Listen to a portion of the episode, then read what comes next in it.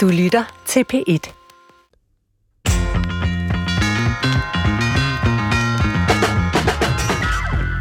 Jeg tror på det værste. Eller i hvert fald på, at det kan være en god idé at berede sig på det værste. Så risikerer man ikke at blive rigtig skuffet. Hvis man forestiller sig, at det værste vil ske, kan man være næsten helt sikker på, at det, der sker i det mindste, er lidt bedre end det aller værste. Men kan vi gå endnu længere og bruge dommedagsforestillinger og frygten til noget decideret opbyggeligt i vores liv? Mytologier og religioner har jo altid haft forestillinger om undergang, men i dag, så vil, jeg, så vil vi alle sammen høre om evigt fremskridt. Gør det os åndeligt fattigere? Det spørger jeg om i dagens udgave af Brinkmanns Brix. Pas på, det bliver uhyggeligt i dag. Jeg prøver at være sådan en slags defensiv øh, pessimist med en psykologisk term, og har turneret rundt med ideen om, at man nemmere kan håndtere livets skuffelser, hvis man allerede har prøvet at se dem i øjnene, før de sker, og måske sker de ikke, og så kan man glæde sig over det. Har du samme øh, livsindstilling, Christoffer Heide Højer, tilrettelægger på programmet her, efter at have kendt mig nu i nogle år? Øh, nej. Du er ikke smittet på den måde. Nej. Men jeg synes faktisk også mere, at dit lyse sind smitter.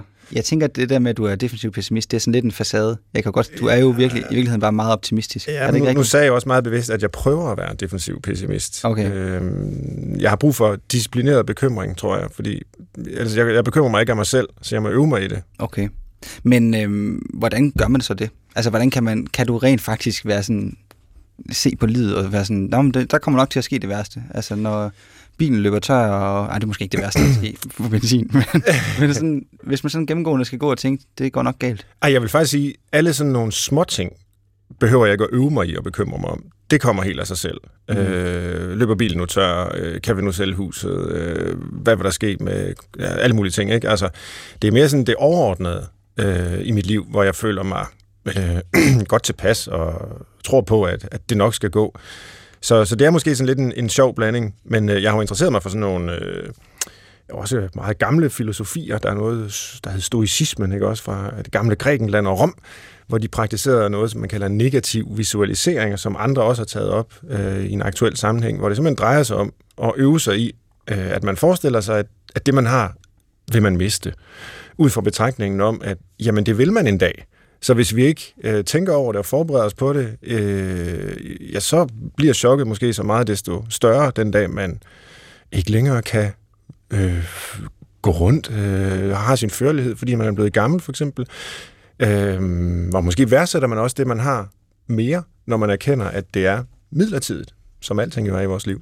Ja, og nu skiller du sådan mellem det, man sådan, du siger, det der kommer af sig selv, bekymringerne, ja. og så det, man måske skal øve sig lidt i, fordi det, det, det er sjældent, man tænker over sin førlighed, når den er der. Ja, den, ja, den, præcis. Den er Ja, ja, meget indgroet i en. Men øhm, hvorfor tror du, at vi det hele taget tænker over ting, der kan gå galt? Over uhyggelige ting?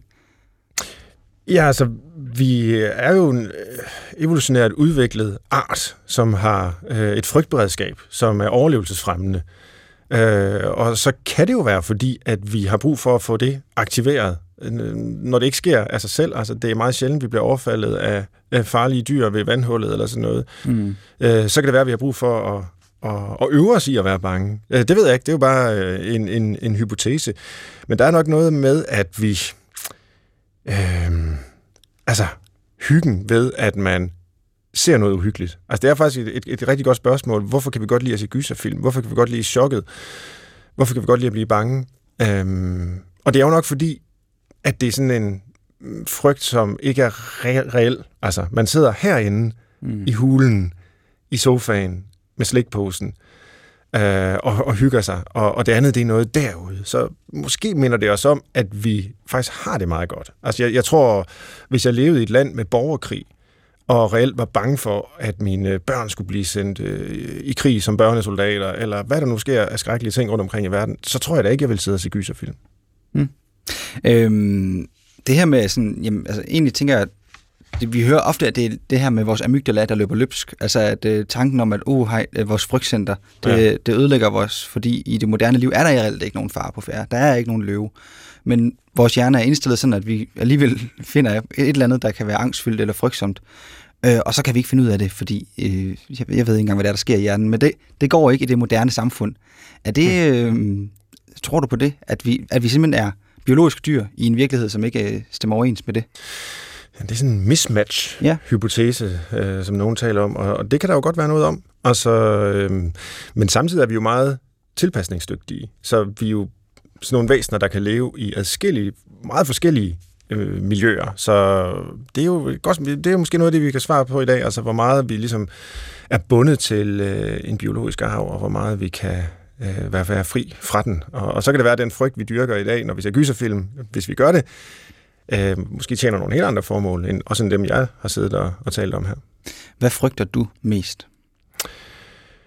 Jamen altså, når man er øh, forældre, så øh, er det jo noget vedrørende ens børn. Altså, der vil ske dem noget. Øh, det, øh, det tror jeg rigtig mange forældre vil svare, og det er det også det. Altså, når man ligger virkelig og ikke kan sove om natten, fordi man bekymrer sig om noget, så er det jo typisk øh, noget, der har med børnene at gøre. Øh, det, det vil jeg sige. Men, men jeg har også den der helt store apokalyptiske frygt, Nå. som jeg har haft siden jeg var barn.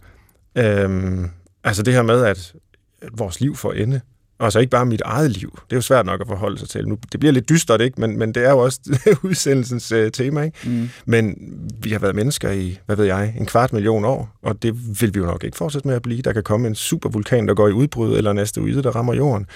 Og hvis man læser de fysiske teorier om øh, universet, altså astronomi, jamen så er der jo en, øh, en tese om, at universet simpelthen vil gå i stå. The Big mm. Freeze. Altså, det var sådan nogle ting, jeg læste som barn, og stadigvæk en gang imellem vender tilbage til, og som giver den her sådan helt sugende fornemmelse af, at alting bare vil stoppe. Det er jo sådan en videnskabelig udgave af de apokalyptiske forestillinger, som religioner og mytologier øh, har, har haft, og det, det har vi jo så stadigvæk. Men øh, det er jo ikke så rart at tænke på. Lad os håbe, at universet består i en time nu. Lad os det.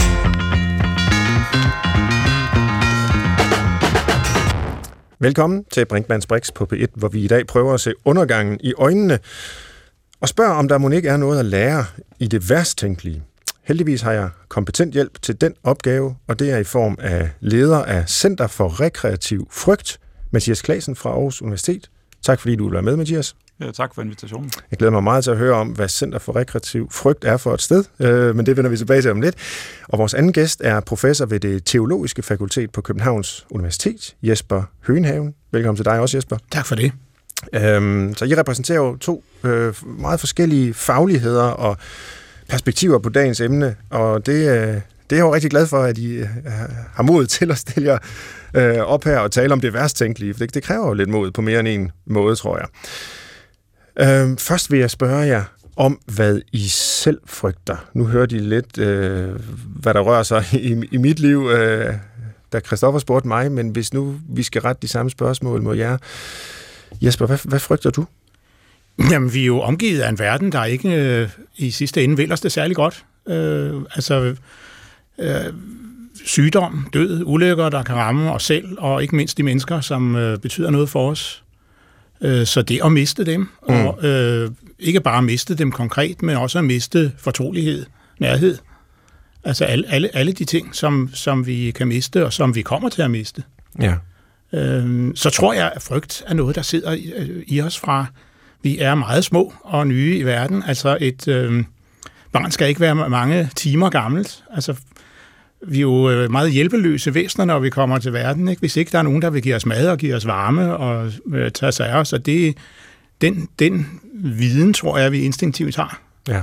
Så fra vi helt små, altså et spædbarn kan jo også typisk trøstes, ikke nødvendigvis ved at få noget at spise, men ved at mærke varmen fra, at der, jamen, okay, der er nogen, der, der har mig. Ikke? Mm. Altså, øhm, Kender... Frygten for at blive forladt, ja. tror jeg sidder det er jo nok noget dybt meget dybt og almen menneskeligt, og måske endda sådan en, en grundemotion, mm. øh, som psykologerne vil kalde det. Den der apokalyptiske frygt, som jeg prøvede sådan lidt klodset at skitsere, altså hele øh, universets undergang måske i sidste ende, er det en, du kender til, at du kender selvfølgelig til den som fagperson, men sådan i, i, i dit personlige liv? Jamen, jeg kan godt genkende det der med, altså jeg har også læst øh, om, om øh, universets øh, udvikling og, og aldre, og det der også ja. som sådan meget ung. Øh, og, og, og den der sådan lidt svimlende tanke, altså at, at, at det har en udløbsdato. At jorden har i hvert fald, at sol, solsystemet ja. har 100 procent Solen brænder ud en dag. Ja, solen brænder ud en dag. Ikke? Det, det, det lyder ikke, øh, som om det var en god idé at være der der. Nej. Og så kan man forestille sig, at, at, at måske har vi så fundet andre steder at være, eller sådan noget, men, men det er jo egentlig bare en udsættelse. Ja. Øh, så, så ja, helt sikkert. Samme spørgsmål til dig, Mathias. Øh, hvad frygter du? Jamen, jeg ved dårligt, hvor jeg skal starte. Altså, det nemme svar, det er æderkopper. okay, ja, det var dejligt konkret i forhold til hele universet endeligt. Jo, men det, er også, det kan jeg også godt uh, forholde mig til. Jeg voksede op i 80'erne, hvor, hvor vi var optaget af de der beskyttelsesrum, der var alle vejene, og hver oh, ja. onsdag, så kunne man høre de der luftsirener. Og, ja. Nu er, det, nu er det kun en gang om året. Det er på en måde et fremskridt. Ja, lidt endnu, ikke? Nu virker det lidt som om, vi vender tilbage til noget, vi kender oh, ja. fra den gang. Men, øh, men jo, så alle... Altså, jeg, jeg tror, jeg bonger ud på stort set alle de der sædvanlige frygtmomenter. Altså på sådan en særlig udpræget måde, eller siden du nu også har valgt at beskæftige dig professionelt med det? Nej, ej, så, nå, der kom jeg på briksen inden, fordi... ja, det kan man hurtigt komme her. ja, øh, nej, jeg tror ikke, det er specielt udpræget. Jeg er sådan forholdsvis ængstelig, men ikke... Øh, når jeg laver sådan en Big Five-test øh, af mig selv, så er jeg ikke specielt neurotisk. Så, okay. Så nej, ikke. Altså, men jeg er også bange for, at der skal ske mine børn noget. Jeg er ja. bange for, at at jeg dummer mig i radioen, eller at jeg mister mit job, eller altså, ja. at der er spøgelser, i hvert fald hvis jeg er alene hjemme, og jeg lige har set en spøgelsesfilm. jeg skal vi sige til lytterne, det er jo ikke fordi, vi personlighedstester vores gæster, før de får lov at, at være med. Så det, men uanset om man er neurotisk eller ej, så er man velkommen på Brinkmanns Brix. Men Mathias, for at følge lidt op, øh, vil du sige, at du bruger dine øh, følelser af frygt, og måske sådan relaterede ubehagelige følelser til noget i dit liv, eller er det bare sådan et irriterende moment, som man skal af med, eller, eller hvordan ser du på dem? Nej, jeg ser, jeg ser på frygt som, som et redskab, vi har brug for, både som art, som du også nævnte før. Altså hvis, hvis, vores for, hvis vores forfædre ikke havde været frygtsomme, så tror jeg ikke, vi var her i dag. Altså fordi de befandt sig jo i en, i en verden, som var væsentligt mere farlig end den verden, vi befinder os i i dag. Øhm, jeg kan også godt se, hvordan frygt på den ene side kan være sådan lidt hæmmende i forhold til vores ambitioner eller vores drømme, men men omvendt, så er det jo også... Altså, man kalder den en negativ følelse, og det er lidt vildledende. Det er rigtigt, det føles ikke rart, og det er der gode årsager til, fordi frygten skal motivere os til at holde os fra farlige ting. Mm. Men, øh, men jeg tror også, det er et redskab. Altså. Øh, og sådan en moderat frygt, som grænser til nervøsitet, kan jo også sørge for, at man leverer sit bedste. Altså hvis man ikke er lidt nervøs inden en mundtlig eksamen eller et jobinterview, så, øh, så er det ikke sikkert, at man giver det, man, man kan give. Mm. Hvordan ser man egentlig i øh, teologien, det er måske et, et, et lidt for stort spørgsmål her i indledningen, men, men Jesper, hvis jeg alligevel skal prøve at koble jeres sådan, øh, fagligheder her lidt indledningsvis, øh, nu det her evolutionære perspektiv, øh, som, som Mathias også nævner, og frygt har en funktion, mm. øh, fordi vi er en art. Altså er det noget, der kan tale sammen med øh, teologien, som jo udspringer af, af nogle, nogle andre tankegange? Jamen, det kan det bestemt. Altså tænk på et begreb som gudsfrygt. Ja. Ikke, hvad, hvad ligger der i det? Ikke? det, er ikke, det jeg tror ikke, det er sådan, det, man hører mest fra prædikestolen i dag. Men, men, men der ligger jo noget. Ikke? Altså, øh, frygt er jo også en form, altså det ligger i, i forlængelse af, hvad Mathias lige sagde. Ikke? Frygt er jo også en form for realisme. Altså det er en, det er en, det er en orientering mod en omverden, hvor der er fare, øh, og hvor vi har levet som art, altså i, i, i øh, mange tusind år med, med konstante farer.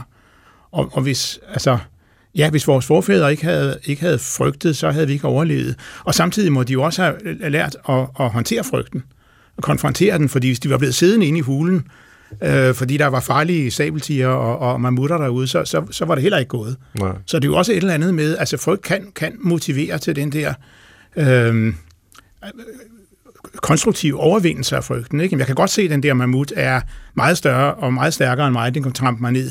Men hvis vi gør et eller andet sammen, så kunne vi godt komme på skudhold af den, ikke? og så kunne det her spyde lige ramme den der, hvor det skulle være, hvordan det nu er. Ikke? Øh, men, men, øh, men ja, frygt altså, øh, er en måde at forholde sig til, til virkeligheden på. Mm. Og det i den forstand jo også et, der er det også et teologisk begreb. Ja. I øh, god gamle Aristoteles, der er vi jo i den græske antik, det er jo før øh, kristendommen og, og alt det, men, men der er, er frygt jo ikke en, en, en dyd, øh, men, men det er jo heller ikke en last. Altså, man kan sige, hvis man balancerer mellem øh, øh, overmod på den ene side og, og fejhed på den anden side, så har man det rette forhold til øh, frygten. Altså, man kan sådan set godt frygte og være bange, mm. men man er modig nok til at gøre det rette alligevel og handle. Øh, er, er der tilsvarende analyser af, hvad kan vi kalde det, frygtens anatomi, eller sådan noget inden for øh, altså, den kristne teologi, øh, hvor man jo har tænkt meget over øh, dødssynder og øh, kardinaldyder og, og alt sådan noget. Hvordan placerer frygten sig egentlig øh, inden for kristendommen? Altså nu, nu mit øh, fagområde er det gamle testament, ja. ikke? og det er, jo, det er jo så længe før Aristoteles. Ja, I hvert fald det, noget, det, i hvert fald noget af det, ikke? Ja. Men, men, men, men det hænger selvfølgelig sammen, altså, fordi der har du både forestillingen om, at vi skal frygte Gud, men vi skal også elske Gud. Og, og, og, og for en nutidig betragtning, så kan man hurtigt øh, komme til at tænke, at det, det, det er der to diametralt modsatte ting. Vi kan ikke, vi kan ikke både være bange og, og, og, og øh, føle kærlighed. Og så kan man sige, altså det er måske heller ikke så meget i Gamle Testamentet et spørgsmål om at føle kærlighed, som det er øh, et spørgsmål om at, at være lydig eller være, være øh, øh, lojal, øh, kunne man sige. Men, men, men, men det har også et, en emotionel side, og frygten har også en emotionel side. Altså, øh, Gud er i det gamle testamente faktisk en, man skal være bange for, og den, den tradition har vi også øh, i, i den kristne teologi. Mm. Øh, og, og, og det hænger jo lidt igen øh, sammen med det, at altså, der er en, altså horisonten for øh, vores liv er den, altså virkelighedens farlighed, som det gælder om at forholde sig til. Har der været nogle særlige øh, forhold eller vilkår her under coronakrisen, der har aktiveret kan man sige, din opmærksomhed på, på, på frygt og apokalypse og sådan noget? Altså, nu kan vi diskutere, hvor, hvor stor en krise det, det egentlig har mm. været. Altså, det er jo ikke, fordi menneskeheden har været ved at uddø øh, på nogen måde. Men, men, men det der med, at man hamstrer øh, dåsemad og, og toiletpapir, og pludselig ser man billeder af, af, lige vogne, og folk går rundt med mundbind på, og det, det er som om, vi lever i sådan en, ja, en, en post- eller præ-apokalyptisk tid. Har, har, har du tænkt særligt over, over nogle af de her spørgsmål i forbindelse med coronapandemien? Jamen, jeg har da tænkt over, altså, at der er da helt klart et element af, af frygt, og der har for mig at se også været et element af frygt, simpelthen i, i, i, i måden at håndtere øh, det her forløb på. Måske, altså, jeg vil så sige, ikke så udtalt i, i, i Danmark, som, som jeg synes, man har set det andre steder, mm. hvor, det, hvor det nærmest har været en strategi, altså at, at vi skal helst opretholde et passende niveau af frygt, ja. så vi sådan, øh, retter ind eller gør de ting, som, som forventes af os. Men der er jo altså, der er en interessant side, som, som vi måske kan... Øh, øh, jeg, vil, jeg vil gerne høre jer, jer, egentlig jeres øh, input på også. Altså, hvis, hvis jeg oplever, at øh, lyset er, alt lyset er gået i min lejlighed, og jeg så kigger ud af vinduet og kan se, at øh, det hele kvarteret, der er mørklagt, det er sådan, øh, så er der også en form for lettelse i det, fordi så ja. er det et problem, der er så stort, at det ikke, ikke i mine hænder at løse det. Og øh, det er så stort, at dem, der skal løse det, er nok blevet gjort opmærksom på det. Så der er også en eller anden dobbelthed i, altså at hvis, hvis krisen omfatter tilstrækkeligt mange, så er man ikke alene i den. Mm. Og, og man, kan, man kan være fælles om at forholde sig til den. Har du tænkt på det, øh, Mathias, måske i forbindelse med coronaepidemien her, at øh, der har været en form for kollektiv frygt, der måske har gjort individets frygt mindre? Øh, ikke lige på den specifikke vinkel, Nej. men jeg, jeg har da holdt lidt øje med, med forløbet med sådan et, øh, et par fagbriller på. Netop fordi det lignede jo sådan en slow motion zombie-apokalypse, bare uden zombier. Altså jeg kan huske første gang, jeg var ude og få sådan en PCR-test, og de store hvide telte var der, og skilte, og folk i rækker, og det var, det var som en science fiction film jo. Ja. Og, øh, og det var der noget, altså som mange af os var meget ængstelige over, især i starten, tror jeg. Det er svært at huske, hvordan det var for to år siden nu, ikke? Men, jo. men dengang, der, der var der jo ingen, der anede, hvor farligt det var, og hvad det skulle ende med. Øhm, og man kan interessant nok se et øh, gigantisk boom i horrorfilm i 2021 især. Okay. Som er lidt sjovt, fordi man skulle tro, at folk havde nok med frygt og redsel og infektion og pandemi i den virkelige verden. Men ikke desto mindre, så var der mange, der søgte mod fiktionens verden mod øh, skildringer, der mindede lidt om det, man kunne se. Ja, det er interessant nok. Jeg kan huske noget af det første, vi så i vores lille familie, det var Contagion, ja. tror jeg, den hedder, som er sådan en smittefilm, som faktisk mm. minder, det er sådan en virus, som er noget farligere end corona, ja. som den film handler om, men det var ligesom vores måde at berede børnene på det, der skulle øh, til at ske. Det er nok ikke så klogt i, i bagklodskabens lys, men nå, jeg ja. synes, vi parkerer øh, coronaen nu, og, øh, og så vil jeg meget hellere høre, Mathias, om øh, det Center for Rekreativ Frygt, som du øh, arbejder på. Mm. Det lyder umiddelbart lidt, hvis jeg må være så fri som noget fra Monty Python. Uh, jeg er vild med det, men, men kan du sige, hvad det betyder? Altså, hvad er Center for Rekreativ Frygt for et sted? Jamen, det er en forskningsenhed på Aarhus Universitet, hvor vi forsker i rekreativ frygt. Ja. Og, og rekreativ frygt, det er sådan set et begreb, vi selv har fundet på, tror jeg nok, øhm, for at indfange den type adfærd, hvor folk synes, det er sjovt at blive bange. Hmm. Og det prototypiske eksempel, det er jo nok gyserfilm. Ja. Øh, men det interessante ved rekreativ frygt er, at det er ekstremt udbredt, samtidig med, at det er videnskabeligt underbelyst. Hmm. Så når man først begynder at kigge efter det, så kan man finde det alle vegne. Altså så er det øh, den der eksistentialistiske protogyser, som er Titte Bøge, øh, hvor man udsætter små børn for det værste tænkelige, ikke? Man gemmer sig, Ja. og så hopper man frem og laver et lille bitte jumpscare. Eller det kan være fangeleg og gemmeleg og mørkeleg. Det kan være øh, børn, der går alene ud i skoven. Det kan være ældre mennesker, der ser Barnaby på DR2 og synes, at det er lidt øh, pirrende, øh, sk- skræmmende. Så, så der er rigtig mange aktiviteter, hvor det sådan set handler om at, at lege lidt med frygten. ja. Og det vil vi gerne blive klogere på, så det er det, centret er sat i verden for. Og det er jo virkelig mange øh, allerede meget overbevisende eksempler, du nævner der, som jeg slet ikke har ligesom sat i forbindelse med hinanden, men nu mm. du liner dem op, så kan jeg jo sagtens se, at der er et, et mønster. Men er det mere sådan den, øh, hvad kan vi sige, psykologiske dimension i frygten? Fordi der er jo også, altså kørt med rutsjebanen for eksempel, det nævnte du ikke som eksempel, men, mm. men det, det har jeg for eksempel ikke øh, lyst til. Øh, jeg synes, det føles ubehageligt, men, Ja. men, men, øh, men det er vel også en form for frygt, der bliver aktiveret der. Mm. Men det er, men det er noget andet, eller hvad? Nej, det, kan altså, vi- det, det, det er sådan et større konceptuelt udredningsarbejde, vi faktisk er i gang med. Jeg har siddet i møde hele dagen, hvor vi Nå. har, hvor vi har brainstormet på, øh, på hvad der udgør øh, rekreativ frygt aktiviteter. Fordi der er jo nogle ting, hvor det er helt tydeligt, at det handler om, at man synes, det er sjovt at blive bange. Og så er der andre ting, hvor det er sådan lidt mere uklart om, altså folk, der stiller sig op og spiller musik foran et publikum for eksempel, og bliver nervøse og kan mærke, det kilder i maven. Ja. Er, er frygten central, eller er det sådan en pris, man er villig til at betale? Eller, altså fordi for rekreativ frygt, så, så skal frygten være sådan en primær attraktion. Det skal handle om, at, at det er fedt at blive bange. Øh, Og jeg tror, rutsjebaner er et eksempel, som falder inden for øh, målskiven. Og øh, ja, nu er det selvfølgelig et- center, og I er nogle forskere, der har gang i alle mulige projekter og sådan, men hvis jeg alligevel bare spørger sådan helt naivt, mm. og det er måske jeres grundspørgsmål, hvorfor er det så sjovt Mhm. at blive bange? Ja. Ja. Altså, hvad, hvad er svaret på det? Det er grundspørgsmålet. Ja. Ja. Det er, det er horror-genrens paradoks, som jo er beslægtet med, med tragediens paradoks. Hvorfor vil vi gerne se film, der gør os triste? Hvorfor vil vi gerne se film, der får os til at skrige i redsel?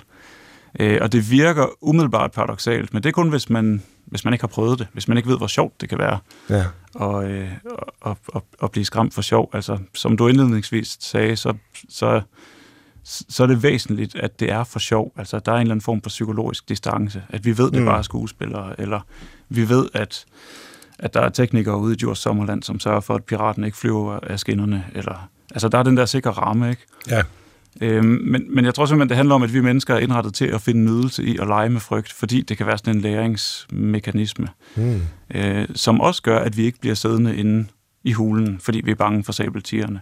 Men at der er en vis nydelse i at jagte den der mammut, og øh, der er en nydelse i at få fortalt skrækindjagende historier, som kan fortælle os noget om verden og dens fare. Hvorfor blev du egentlig interesseret i det her? Altså, det er jo ikke øh, så tit, at vi har gæster, som øh, altså, på en måde jo har, har opdaget noget, øh, som ikke er blevet belyst. Og mm. det lyder virkelig som om, at, at du og, og eventuelt dine kolleger har her. Hvorfor blev du interesseret i det? Eller hvordan opdagede du det?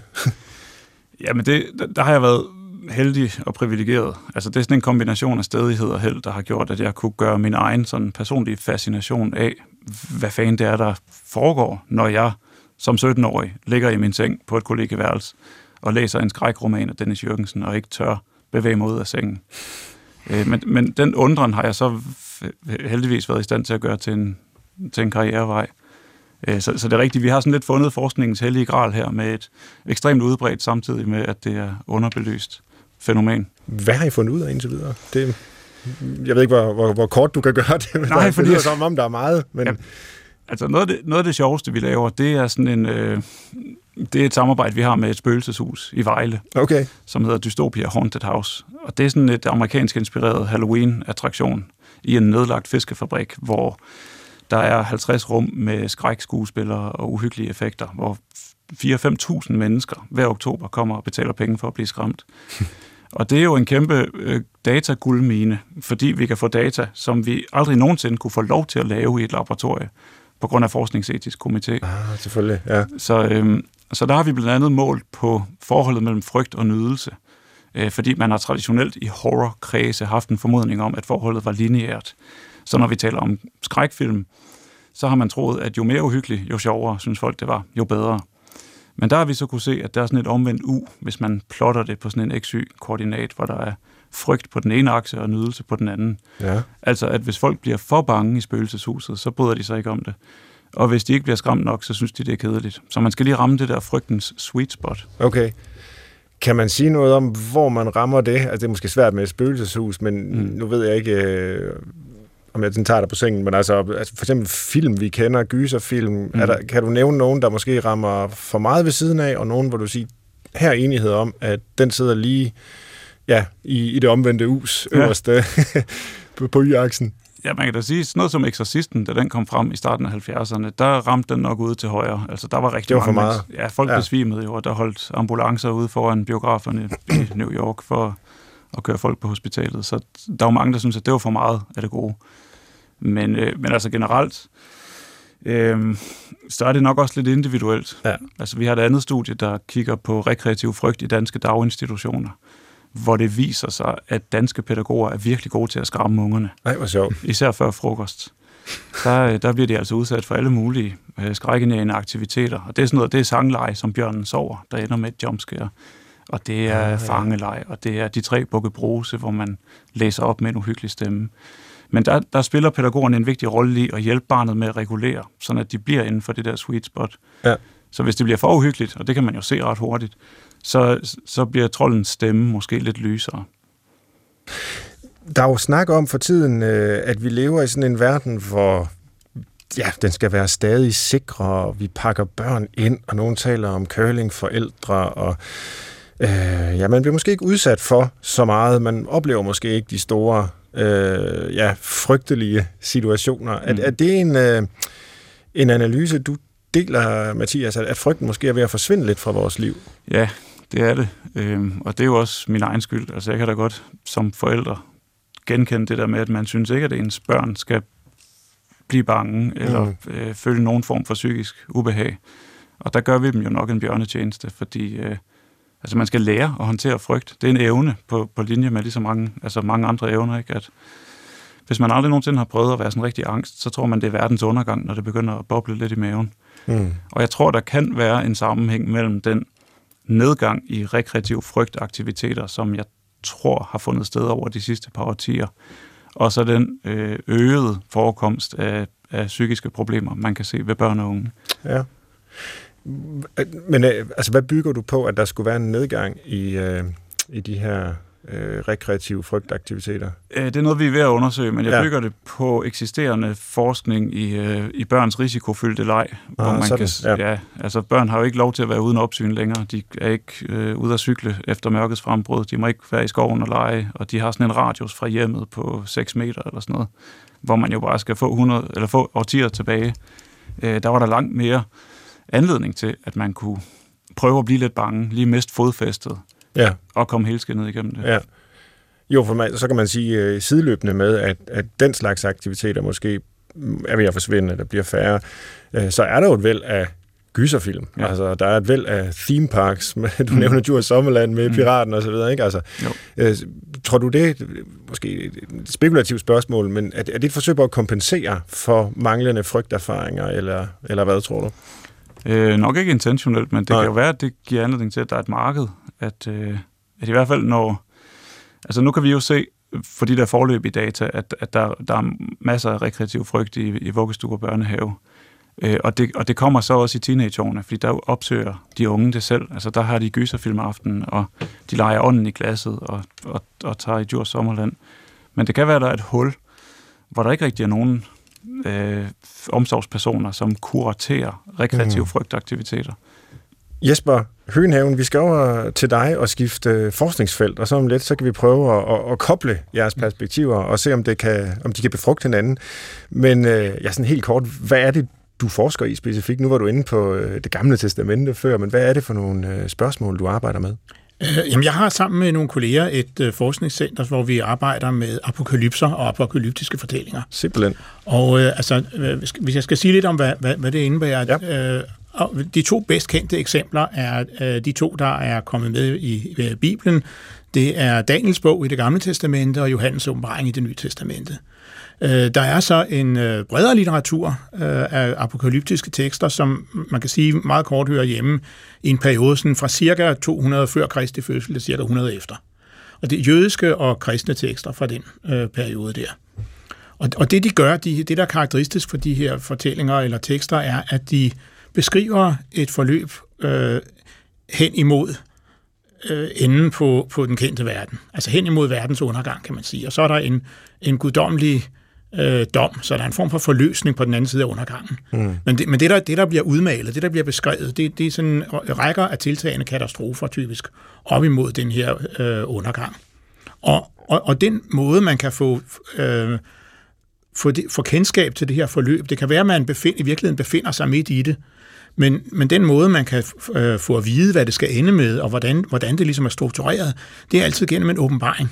Altså det er gennem noget, der skal afsløres, noget man ikke selv kunne aflæse ved at, kigge ud i verden, men øh, det bliver afsløret, det bliver åbenbaret for, for typisk for en eller anden øh, kendt person. Det er så Daniel i, i Daniels bog, og det er øh, profeten eller seeren øh, Johannes i Johannes åbenbaring. Ja. Øh, så, så ellers ville det være skjult, ellers ville det være en hemmelighed. Men nu er det så blevet givet til den her person, og gennem skriftet eller gennem fortællingen bliver det så givet videre til dem, der læser det. Og så er der meget typisk også i, i apokalypser en øh, skarp dualistisk opdeling. Altså der er en, en øh, der er ligesom Guds side, og der er det onde side, Satans eller Belials, eller hvem det er. ikke. Der er lysets børn, og der er mørkets børn, og det gælder selvfølgelig om øh, at høre hjemme på, på den rigtige side. Noget af det, vi, vi, vi undersøger, det er så oprindelsen til de her tekster. Vi prøver at kigge på nogle af de ældste. Altså, hvad, hvad, hvad er det, der... Øh, hvad, hvad, hvad, hvor kommer de fra, og hvad er det, der gør, at øh, den form for fortælling øh, får sin blomstringstid. Og så er det jo fortsat lige siden, ikke? Det er jo blevet, ja. altså det er jo en lang receptionshistorie, som man siger, ikke? De er blevet læst og, og, og viderebearbejdet og, og, og, og, og er jo også modelleret øh, masser af fortællinger helt øh, frem til i dag, og, og, og, og det er jo meget udbredt i dag, at de her apokalyptiske modeller indgår i altså for eksempel film, litteratur, ja. tv-serier, spil, alting. Ikke? Og kan, kan, kan du ja. rise op, øh, måske bare en enkelt af de her fortællinger, skulle der nu være en lytter, som ikke lige havde helt styr på, ja måske Johans åbenbaring har mm. de fleste nok hørt om, men, men Daniel øh, i det gamle testamente for eksempel, hvad handler det om? Jamen der har vi en, altså øh, øh Daniel er en, en øh, øh, judæer eller jøde, der er kommet til øh, Babylon. De er blevet øh, hvad hedder det, nedkæmpet og bortført alle sammen. Jerusalem er blevet ødelagt, templet brændt osv. Der øh, oplever han så øh, en række syner eller drømme eller drømmebilleder, hvad det er, øh, som fortæller om øh, øh, hvordan det skal gå. Det gør det, øh, hvad hedder det, øh, han bliver, kommer sådan i tjeneste hos først den babyloniske, senere den persiske konge. De har også nogle drømmesyner, som Daniel så med øh, guddommelig hjælp er i stand til at tyde. Og det de, det, de så antyder, det er sådan et, et forløb frem imod den her endetid. Men det sker i form af nogle bizarre billeder, Mm-hmm. Altså for eksempel fra Daniels bog har vi øh, det her med, at der kommer fire dyr op af vandet. Det ene er mere mærkeligt end det andet. Ikke? Først en, noget, der ligner en, en løve, men så har det vinger, og så bliver vingerne revet af. Og så vokser der horn ud på, på dyret, og det ene horn øh, fortrænger de andre. Og, altså, så det, det er sådan en blanding af et meget visuelt, øh, taktilt øh, øh, billedsprog, og så så noget, der er bevidst øh, hemmelighedsfuldt eller tilhyldende. Det er som sådan en Godzilla figur nærmest ja, kommer ja, op af no, havet. Eller sådan. Noget i den retning, ikke? og så kommer der et andet dyr, eller fortrænger det første, så det, altså, det bliver så tolket som det ene verdensrige, der afløser det andet øh, i sådan mere og mere øh, voldeligt for, øh, forløb, indtil så øh, herredømmet bliver givet til, til Guds folk, øh, okay. som der står, ikke? der kommer øh, altså det sidste dyr bliver til intet gjort. Vi kender jo også øh, det store dyr fra Johannes åbenbaring, og det er sådan set hentet fra Daniels bog. Det er også et mm. kendetegnende træk for de her apokalypser, at de låner fra hinanden, og de bruger de her billeder i sådan stadig nye kombinationer. Og det er så inden for en kristen-jødisk øh, tradition, det her, men, men når du nu fortæller om det, så kan man jo godt genkende elementer af, af sådan nogle fortællestrukturer fra den nordiske mytologi, for eksempel, og, og givetvis en lang række andre rundt omkring i verden. Altså, hvad, hvorfor har man dem? altså, Jamen, det er et godt spørgsmål. Altså, noget af det er jo øh, helt sikkert meget ældre, ikke? Altså, vi har altså helt tilbage fra, fra øh, babyloniske, mesopotamiske tekster, persiske tekster også, ikke? Men, men, ja. men der, altså, der har vi jo for eksempel, vi, for eksempel kender vi også fra det gamle testamente forestillingen om, om, om en syndflod, ikke? En kæmpe oversvømmelse, der udsletter alt liv på jorden, ikke? Og så er der altså måske lige en, en der skal overleve, så vi kan få en ny begyndelse. Men altså den der forestilling om, om, om hele verdens undergang, der er det jo så typisk noget, der ligger i fortiden. Mm. Sådan en mytologisk fortid. Men det siger jo også noget om, altså... Øh, Gud eller guderne har en gang kunne finde på at udslette det hele, så de kunne måske finde på det igen. Ikke? Ja. Så, så, så det er jo, altså, og, og så har man diskuteret længe, at det så fordi det er sådan et øh, almen menneskeligt grundlæggende motiv, det her. Hvad, hvad hvis det hele øh, bragede sammen?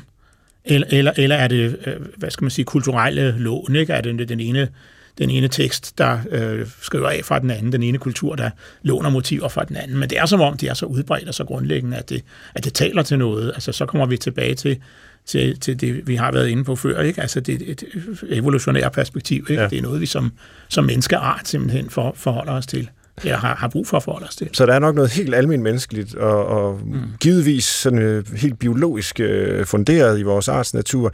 Men, men så er der jo også nogle øh, forskelle og der, fra den ene kultur til den anden, fra den ene fortælling til den anden. Og øh, hvad kan man sige, da, da, da Jesus kommer ind i billedet, øh, der er der vel på den her tid en udbredt opfattelse af, at man lever simpelthen i de sidste tider.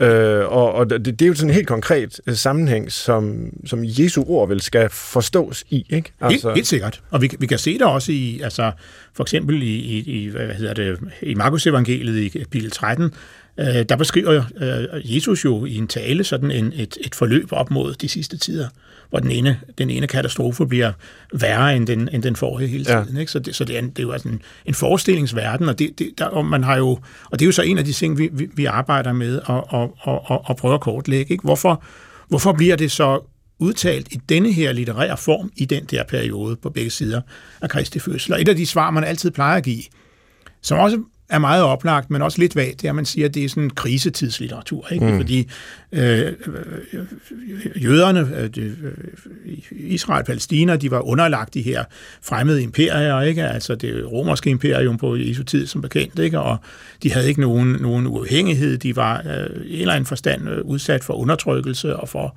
for øh, altså en, en dystopisk virkelighed, ikke? Man, altså man har, et, et, et af de begreber, man har brugt om apokalyptisk litteratur, er det her med kognitiv dissonans. Ikke? Der er sådan en, en, en, en, øh, en modsætning mellem den måde, man ved, at verden burde være indrettet på, hvor det var de retfærdige, der skulle øh, arve landet og have, og have udsigt til, til, øh, til velsignelse og langt liv, og så den virkelighed, man, man, man erfarer og oplever. Mm. Men, men, men vi prøver så at se på, kan man, kan man komme det nærmere, og noget af det, vi også prøver at se på, er, altså, hvor, hvor er agens inde i det her? Er det sådan et forløb, der er fastlagt, der er sådan deterministisk fra den ene ende til den anden, så vi sådan set som mennesker ikke rigtig kan gøre noget?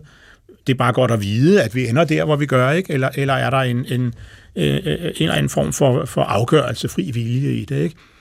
Øh, og så prøver vi også at kigge på sådan det mere litterære, øh, genremæssige. For eksempel nogle af de tekster, vi, vi arbejder med, er sådan udformet som, som testamenter. Mm. Altså det, det er sådan en, en kendt person. Det kan være Esra, det kan være Enoch, det kan være Moses far Amram, som er en af de tekster, vi øh, ikke så kendte tekster, vi arbejder med, der på sit dødsleje fortæller øh, sine efterkommere om det her syn, han har modtaget, og hvad der skal ske. Og det giver jo så også hans ord, den her ekstra vægt, ikke? fordi når vi er tæt på grænsen der, så er vi også i stand til måske bedre at se over på den anden side og vide, hvad der, hvad der skal ske. Jeg hæfter mig ved, at du nævnte begrebet kognitiv dissonans, og det kommer jo i hvert fald i psykologien meget fra en forsker, der hedder Festinger, som var en af de berømte socialpsykologer, mm. og som havde et meget hans kendteste studie, det er, hvor, hvor de laver sådan naturalistisk forskning. Altså, det er ligesom Mathias siger, det går nok ikke forskningsetisk, øh, men i sensat den slags, men der var faktisk en dommedagskult, som øh, forskerne blev indrulleret i, og så ville de studere, hvad skete der så, når dommedag ikke kom. Og, øh, og det gjorde dommedag jo ikke. Jorden gik ikke under, og rumvæsenerne kom ikke og hentede de særligt udvalgte. Og der var så en kognitiv dissonans, mm. øh, med festinger, altså mellem det, de mente, deres overbevisning, og så det, de kunne jagtage, og så begyndte de at bygge nogle øh, fortællinger op om, hvorfor de så alligevel havde overlevet og, og sådan noget. Ikke? Men, men jeg tænker bare på i forhold til kristendommens historie, at der må der vel også være en form for øh, ja nu 2.000 år lang kognitiv dissonans, fordi det var alligevel ikke de sidste tider. Altså nu har vi klaret den i, i 2.000 mm. år. Øh, så hvordan øh, har den der apokalyptiske forestilling, øh, altså hvilken rolle har den spillet i kristendommen siden Jesu tid? Den har spillet forskellige roller. Det, det, det, det er ret spændende at prøve at, at, at, at, at føle, fordi den kan, altså, den, den er der hele tiden, som en eller anden form for, for understrøm. Og, og, og, og, og så er det tydeligt, at der er perioder, hvor vi har, altså en, hvor vi har kraftigere apokalyptiske tendenser, eller øh, større, større vægtlægning på, på, på de her sider. Og, og, og, og vi kommer tilbage til det med frygt igen, fordi mm. det, det er som om, det kan både, det kan både bruges, og det er sådan en af tolkningerne af, af, af de her apokalypser i, i øh, altså, øh, omkring øh, i jødedommen, omkring øh, kristendommens opståen, en af tolkningerne er, at det er sådan en måde at, at, at underminere den her imperiale magt, som man er underlagt. Altså mm. bruges sådan set i, i, en, i en form for subversiv og revolutionær øh, sammenhæng. Mm. Men det kan også bruges til at skræmme øh, mennesker til at rette ind og gøre, hvad, hvad, hvad, hvad man vil have dem til, og styrke eller opretholde et, et, øh, et eksisterende hierarki, for eksempel. Og det har fungeret på, på samme måde, eller på begge måder.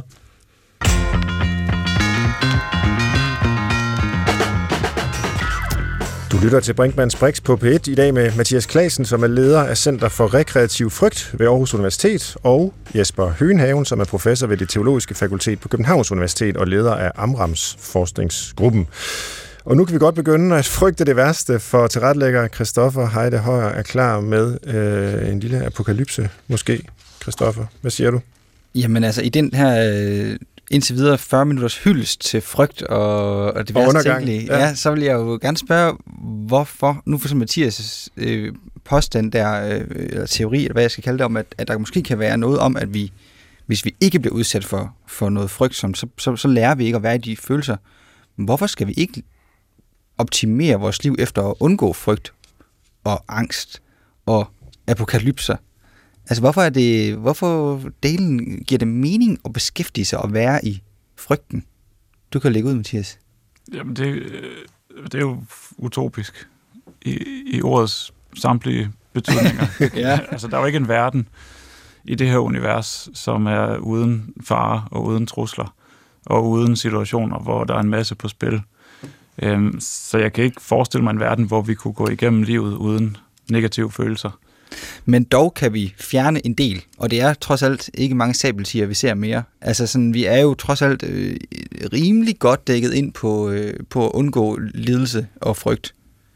Ja, jo jo, men altså, der vil jo stadigvæk øh, være situationer, hvor vi er bange. Og det kan være, at vi er nødt til at komme ud og køre, selvom der er stormvejr. Eller det kan være, at vi har øh, en vigtig præsentation på arbejde. Mm. Øh, altså, der er jo mange domæner i tilværelsen, hvor, øh, hvor vi bliver angste eller frygtsomme. Det, kan også, altså det er også det, det er adskillige gange om ugen, når det er min tur til at gå ned i kælderen for at hente vasketøj. Det er en, øh, en frygtindgydende oplevelse. Ja, men lykkes det? Jamen det gør det, fordi jeg har trænet nogle frygtreguleringsstrategier, blandt andet via udsættelse for, øh, for rekreativ frygt, så jeg ved nogenlunde, hvordan jeg kan holde frygten øh, i spil, så jeg ikke spænder skrigende ud af kælderen. Ej, du må lige lynhurtigt forklare det, fordi i psykologiprogram, der elsker vi konkrete råd til, til den slags ting, så kan du ikke lige, hvad gør du? Jamen det gør, at det, vi har lavet et studie, øh, og det gjorde vi faktisk også i det her Haunted House, hvor vi øh, kiggede på de øh, øh, frygtreguleringsstrategier, som gæsterne brugt i to tilstande. Altså vi bad halvdelen af gæsterne, som skulle igennem det her spøgelseshus, om øh, halvdelen de skulle holde deres frygt nede, så vidt muligt, og den anden halvdel de skulle maksimere frygt. Og så spurgte vi, hvad, vi gjorde for, hvad de gjorde for at opnå de tilstande. Og der kunne vi så se, at folk bruger tre typer strategier. Og det er kognitiv, og det er adfærdsmæssigt, og det er sociale. Så en kognitiv frygtreguleringsstrategi, det er for eksempel at minde sig selv om, at det er bare for sjov, eller det er ikke reelt farligt. Mm. Der er nok ikke øh, et genfærd i min kælder. Øh, en adfærdsmæssig, det er for eksempel at sørge for, at man trækker vejret roligt øh, eller holder sig for øjnene, hvis man ser en gyserfilm. Det er en virkelig dårlig strategi, men det er en mange mennesker bruger. Ja, ja. øh, og socialt, det er så at tage, tage den anden i hånden, fordi at, at man har en formodning om, at det kan dæmpe frygten. Så sender du egentlig børnene forrest. Ja, for eksempel, fordi så er dem, der bliver spist først. Det er det. Men ja, så, så det er sådan nogle typisk kognitive strategier, jeg bruger, og også adfærdsmæssige. Ikke sociale, fordi jeg er alene dernede, men Ja. Jamen det er jo det er jo dejligt konkret. Uh, Jesper, hvad vil du sige? Altså, kan vi leve et liv uden uh, at forestille os undergangen? Det tror jeg ikke. Altså, vi kan jo se bare i min egen levetid, øh, at den ene øh, altså, øh, apokalyptiske fortælling afløser den anden. Ikke? Altså, øh, jeg, jeg er jo så gammel, så jeg er vokset op med dengang, det var, øh, var istiden, man frygtede. Ikke? Altså, det hele ville, ville blive koldt og fryse til. Og, og, og så, altså, så har der jo været sådan, altså, efterkrigsårenes øh, store frygt for øh, en altomfattende atomkrig, mm. øh, som, som jo på en måde altså, stadig er der, men den, den, den er jo så klart trådt i baggrunden for nogle andre ting. Ikke? Altså, det, så har det været, øh, hvad hedder det... Øh, øh, så var det forurening og, og øh, miljøets ødelæggelse mere alment. Ikke? Nu er det så mere specifikt det her med klimaet, ja. øh, og hvad der sker med det. Øh, og så er der jo kommet fokus på øh, store pandemiske sygdomme. Øh, så, så der er ligesom øh, hele tiden et, et, en apokalyptisk fortælling. Men jeg tror da også, det har at gøre med, hvad Mathias øh, er inde på. Ikke? Altså, det er jo en, der er, altså, vi lever jo i en verden, der, der, øh, der ender med at, at, at få has på os. Ja. I hvert fald som individer, ikke? og formentlig som, som art i en eller anden forstand. Hvad siger psykologen? Altså, der er jo også retninger inden for, for den verden, hvor man det her med at face døden, sætte i øjnene, du skal herfra. Ja. Altså er det, du kan sige, nu leger vi det i gods øjne med gyser, eller man praktiserer det i religioner. At øh, psykologer gør det vel også? Ja, altså nu nævnte jeg stoicismen før, det er jo ikke sådan en moderne psykologisk øh, retning, men, men der er flere af dem, altså i moderne tid, psykologier, som, øh, som har lidt de samme perspektiver. Altså der er noget, der hedder eksistentiel psykologi og psykoterapi, hvor man tager udgangspunkt i, at jamen, meget af tiden i vores liv, der flygter vi fra døden, og vi vil faktisk kunne, kunne hjælpe os ved at se døden i øjnene som en øh, realitet. Det er ikke særlig behageligt, øh, men, men øh, det, det er dumt, hvis vi ikke gør det, fordi så, så lever vi ikke øh, ordentligt og autentisk og får ikke nok ud af, af vores tid her og sådan noget. Vil, vil, vil nogen sige, ikke?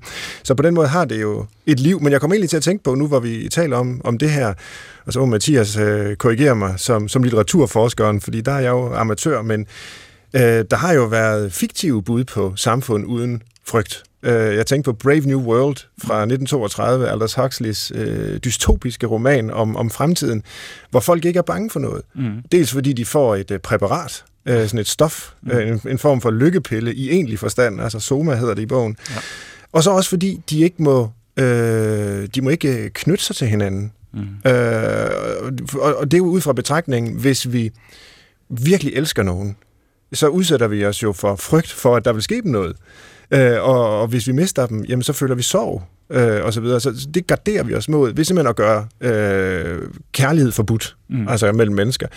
Og det, det synes jeg er en interessant, sådan, ja, helt grundfilosofisk pointe, at prisen for at eliminere frygt, det er sådan set at eliminere alt det, der har værdi for os. Lige præcis, og, jeg tror, og det, det er den erkendelse, man kommer til, hvis man læser den bog, sådan som den er tænkt. At det er jo den der outsider-karakteres øh, anke mod denne her Brave New World, den farver nye verden, som ja. jo er sådan et, det er en, en redselsverden. Altså, det er jo sådan en dystopisk, øh, forfærdelig skildring. Men altså, det er jo også, og der, der kan vi jo virkelig bruge de der øh, imaginære strukturer. Vi kan bruge fortællingerne til at øh, leve os ind i sådan nogle værst, de, det værst tænkelige. Mm. Øh, også i forhold til for eksempel øh, altså apokalyptisk litteratur. Øh, og der, der var der jo en eksplosion i, i undergangsfortællinger øh, efter 2. verdenskrig, fordi det blev tydeligt for enhver, at, mm. at mennesket nu havde den teknologiske formåen, der skulle til for at ødelægge stort set alt liv på planeten. Øh, og, og mange af de folk, som så blev aktive i sådan en øh, øh, atomnedrustningsbevægelse, de var inspireret af af romaner, som for eksempel On the Beach, som er sådan en, en, øh, en bog, der handler om en global atomkrig, som udsletter alt liv på den nordlige halvkugle. Og så følger man nogle overlevende i Australien, som bare venter på, at den der sky af radioaktiv gift kommer ned og slår dem ihjel, og de ved, at de har to måneder tilbage, mm. og så prøver de at, at skabe sig en meningsfuld tilværelse. Og den der, det, det er meget sådan, øh, øh, den stærke skildring, som gav nogle meget konkrete billeder på en ellers måske lidt diffus frygt, den havde altså en, man kan nærmest sige en adfærdsregulerende funktion. Altså den fik folk til at handle målrettet for at undgå lige præcis det scenarie. Ja. Og, og så er vi jo godt i gang med det, som jeg øh, ja, er glad for, at vi når, fordi jeg øh, synes, det er vigtigt, når vi taler om det her emne, altså det, det opbyggelige i frygten, og måske endda i selve forestillingen om øh, apokalypsen, altså undergangen.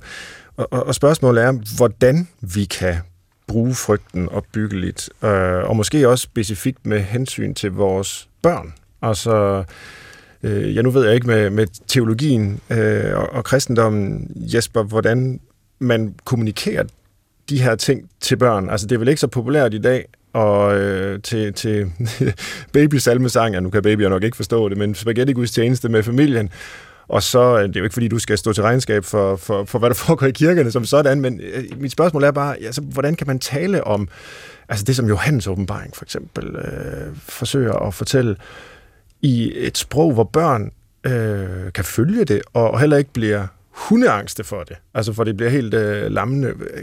Det, det må virkelig være en kunst. Jeg tror, det hele tiden er en kunst. Altså både i forhold til børn og voksne. Altså fordi, øh, hvad hedder det, altså øh, jamen et, et, et, et stort skræmmende dyr, der kommer op af, af havet. Ikke? Altså, mm. det, det, vil jo, det vil jo være et billede, som, som vi kan genkende uanset, øh, uanset alder.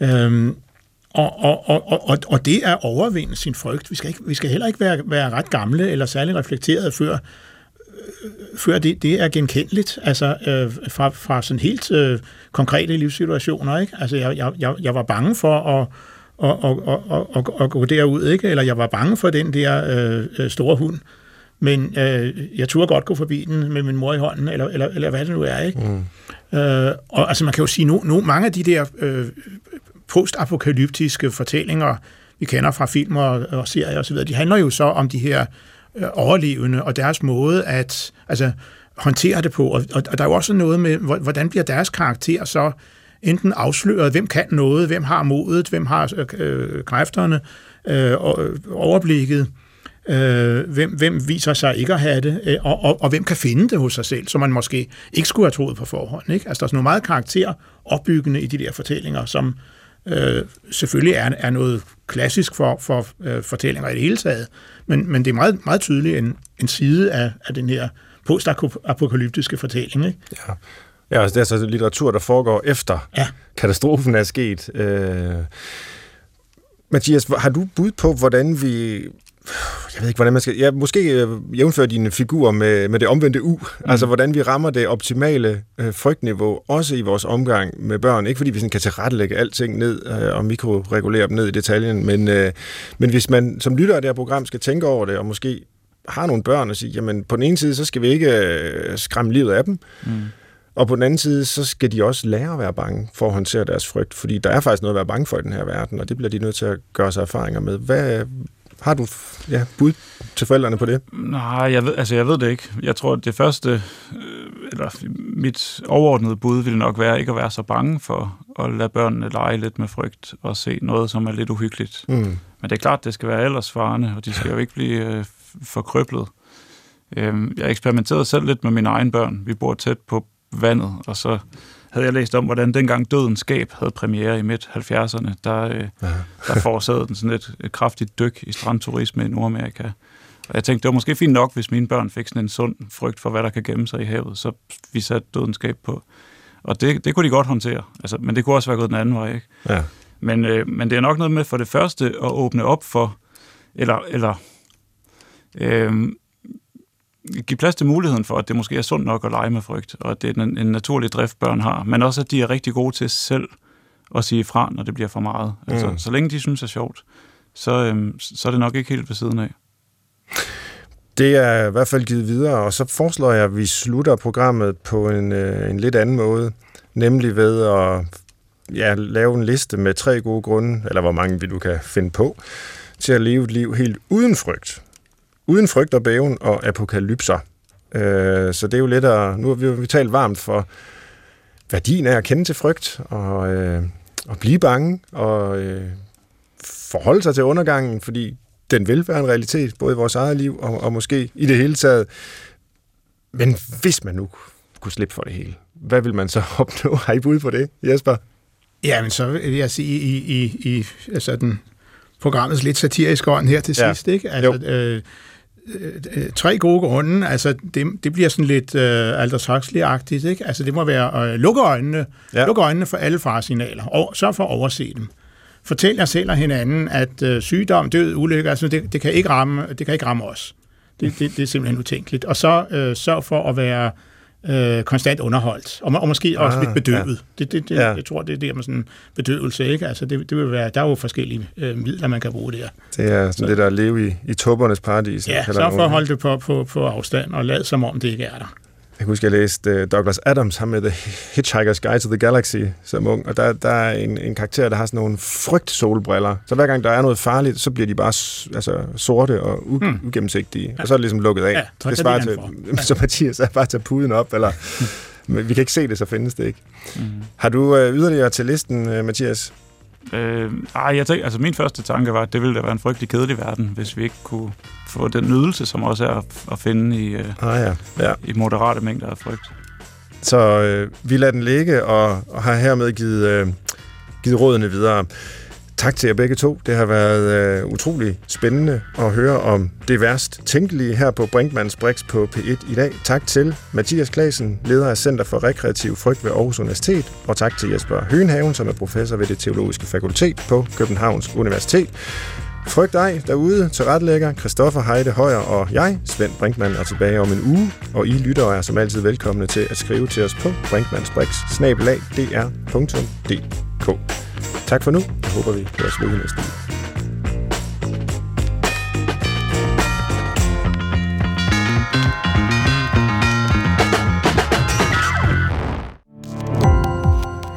Gå på opdagelse i alle DR's podcast og radioprogrammer. I appen DR Lyd.